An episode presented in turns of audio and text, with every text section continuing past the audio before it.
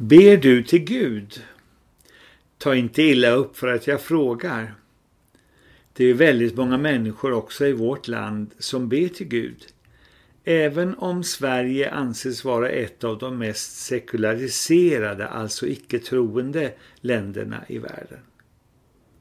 För många år sedan gjordes en enkätundersökning i Sverige, dels om hur många som trodde på Gud, dels om hur många som bad till Gud.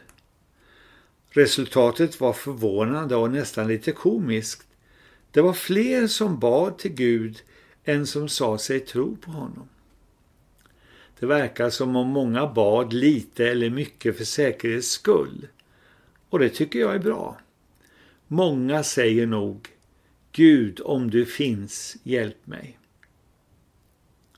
Själv har jag bett till Gud hela livet. Mina föräldrar och andra vuxna lärde mig be aftonbön och andra böner när jag var liten och så har det fortsatt. Att be är egentligen att helt enkelt prata med Gud. Säga det man vill säga högt eller tyst eller bara inombords.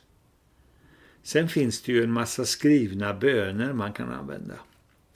Väldigt många salmer och sånger är ju böner och då kan man sjunga dem om man kan melodin. Eller kan hitta på en egen. Eller också kan man säga orden eller stämma in när någon annan sjunger eller säger dem. Det finns olika sorts böner. Att be om hjälp.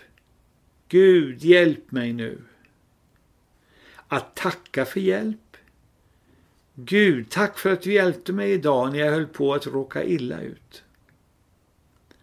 Beundran och tack till Gud för det han gör och är. Tack Gud för att jag har allt jag behöver, hem och mat och kläder. Gud, tack för den vackra jorden jag får bo på.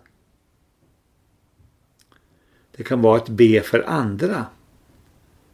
Hjälp mamma Gud, så hon snart är frisk igen.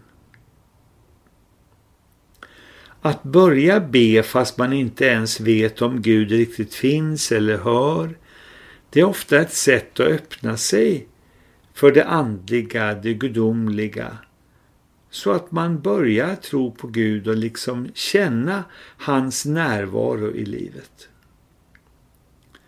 Att be tillsammans med andra är något jättefint. Då är det som att man stärker varann. Nu när det ett tag har varit svårt att umgås med folk som vanligt på grund av coronapandemin så har jag ofta bön med någon annan eller flera andra per telefon eller Skype eller Zoom. Om du skulle vilja vara med mig i en enkel bön nu så kan du säga efter mig en fras i taget. Jag gör uppehåll mellan meningarna så kan du upprepa dem högt eller tyst inom dig. Du behöver inte, men testa gärna.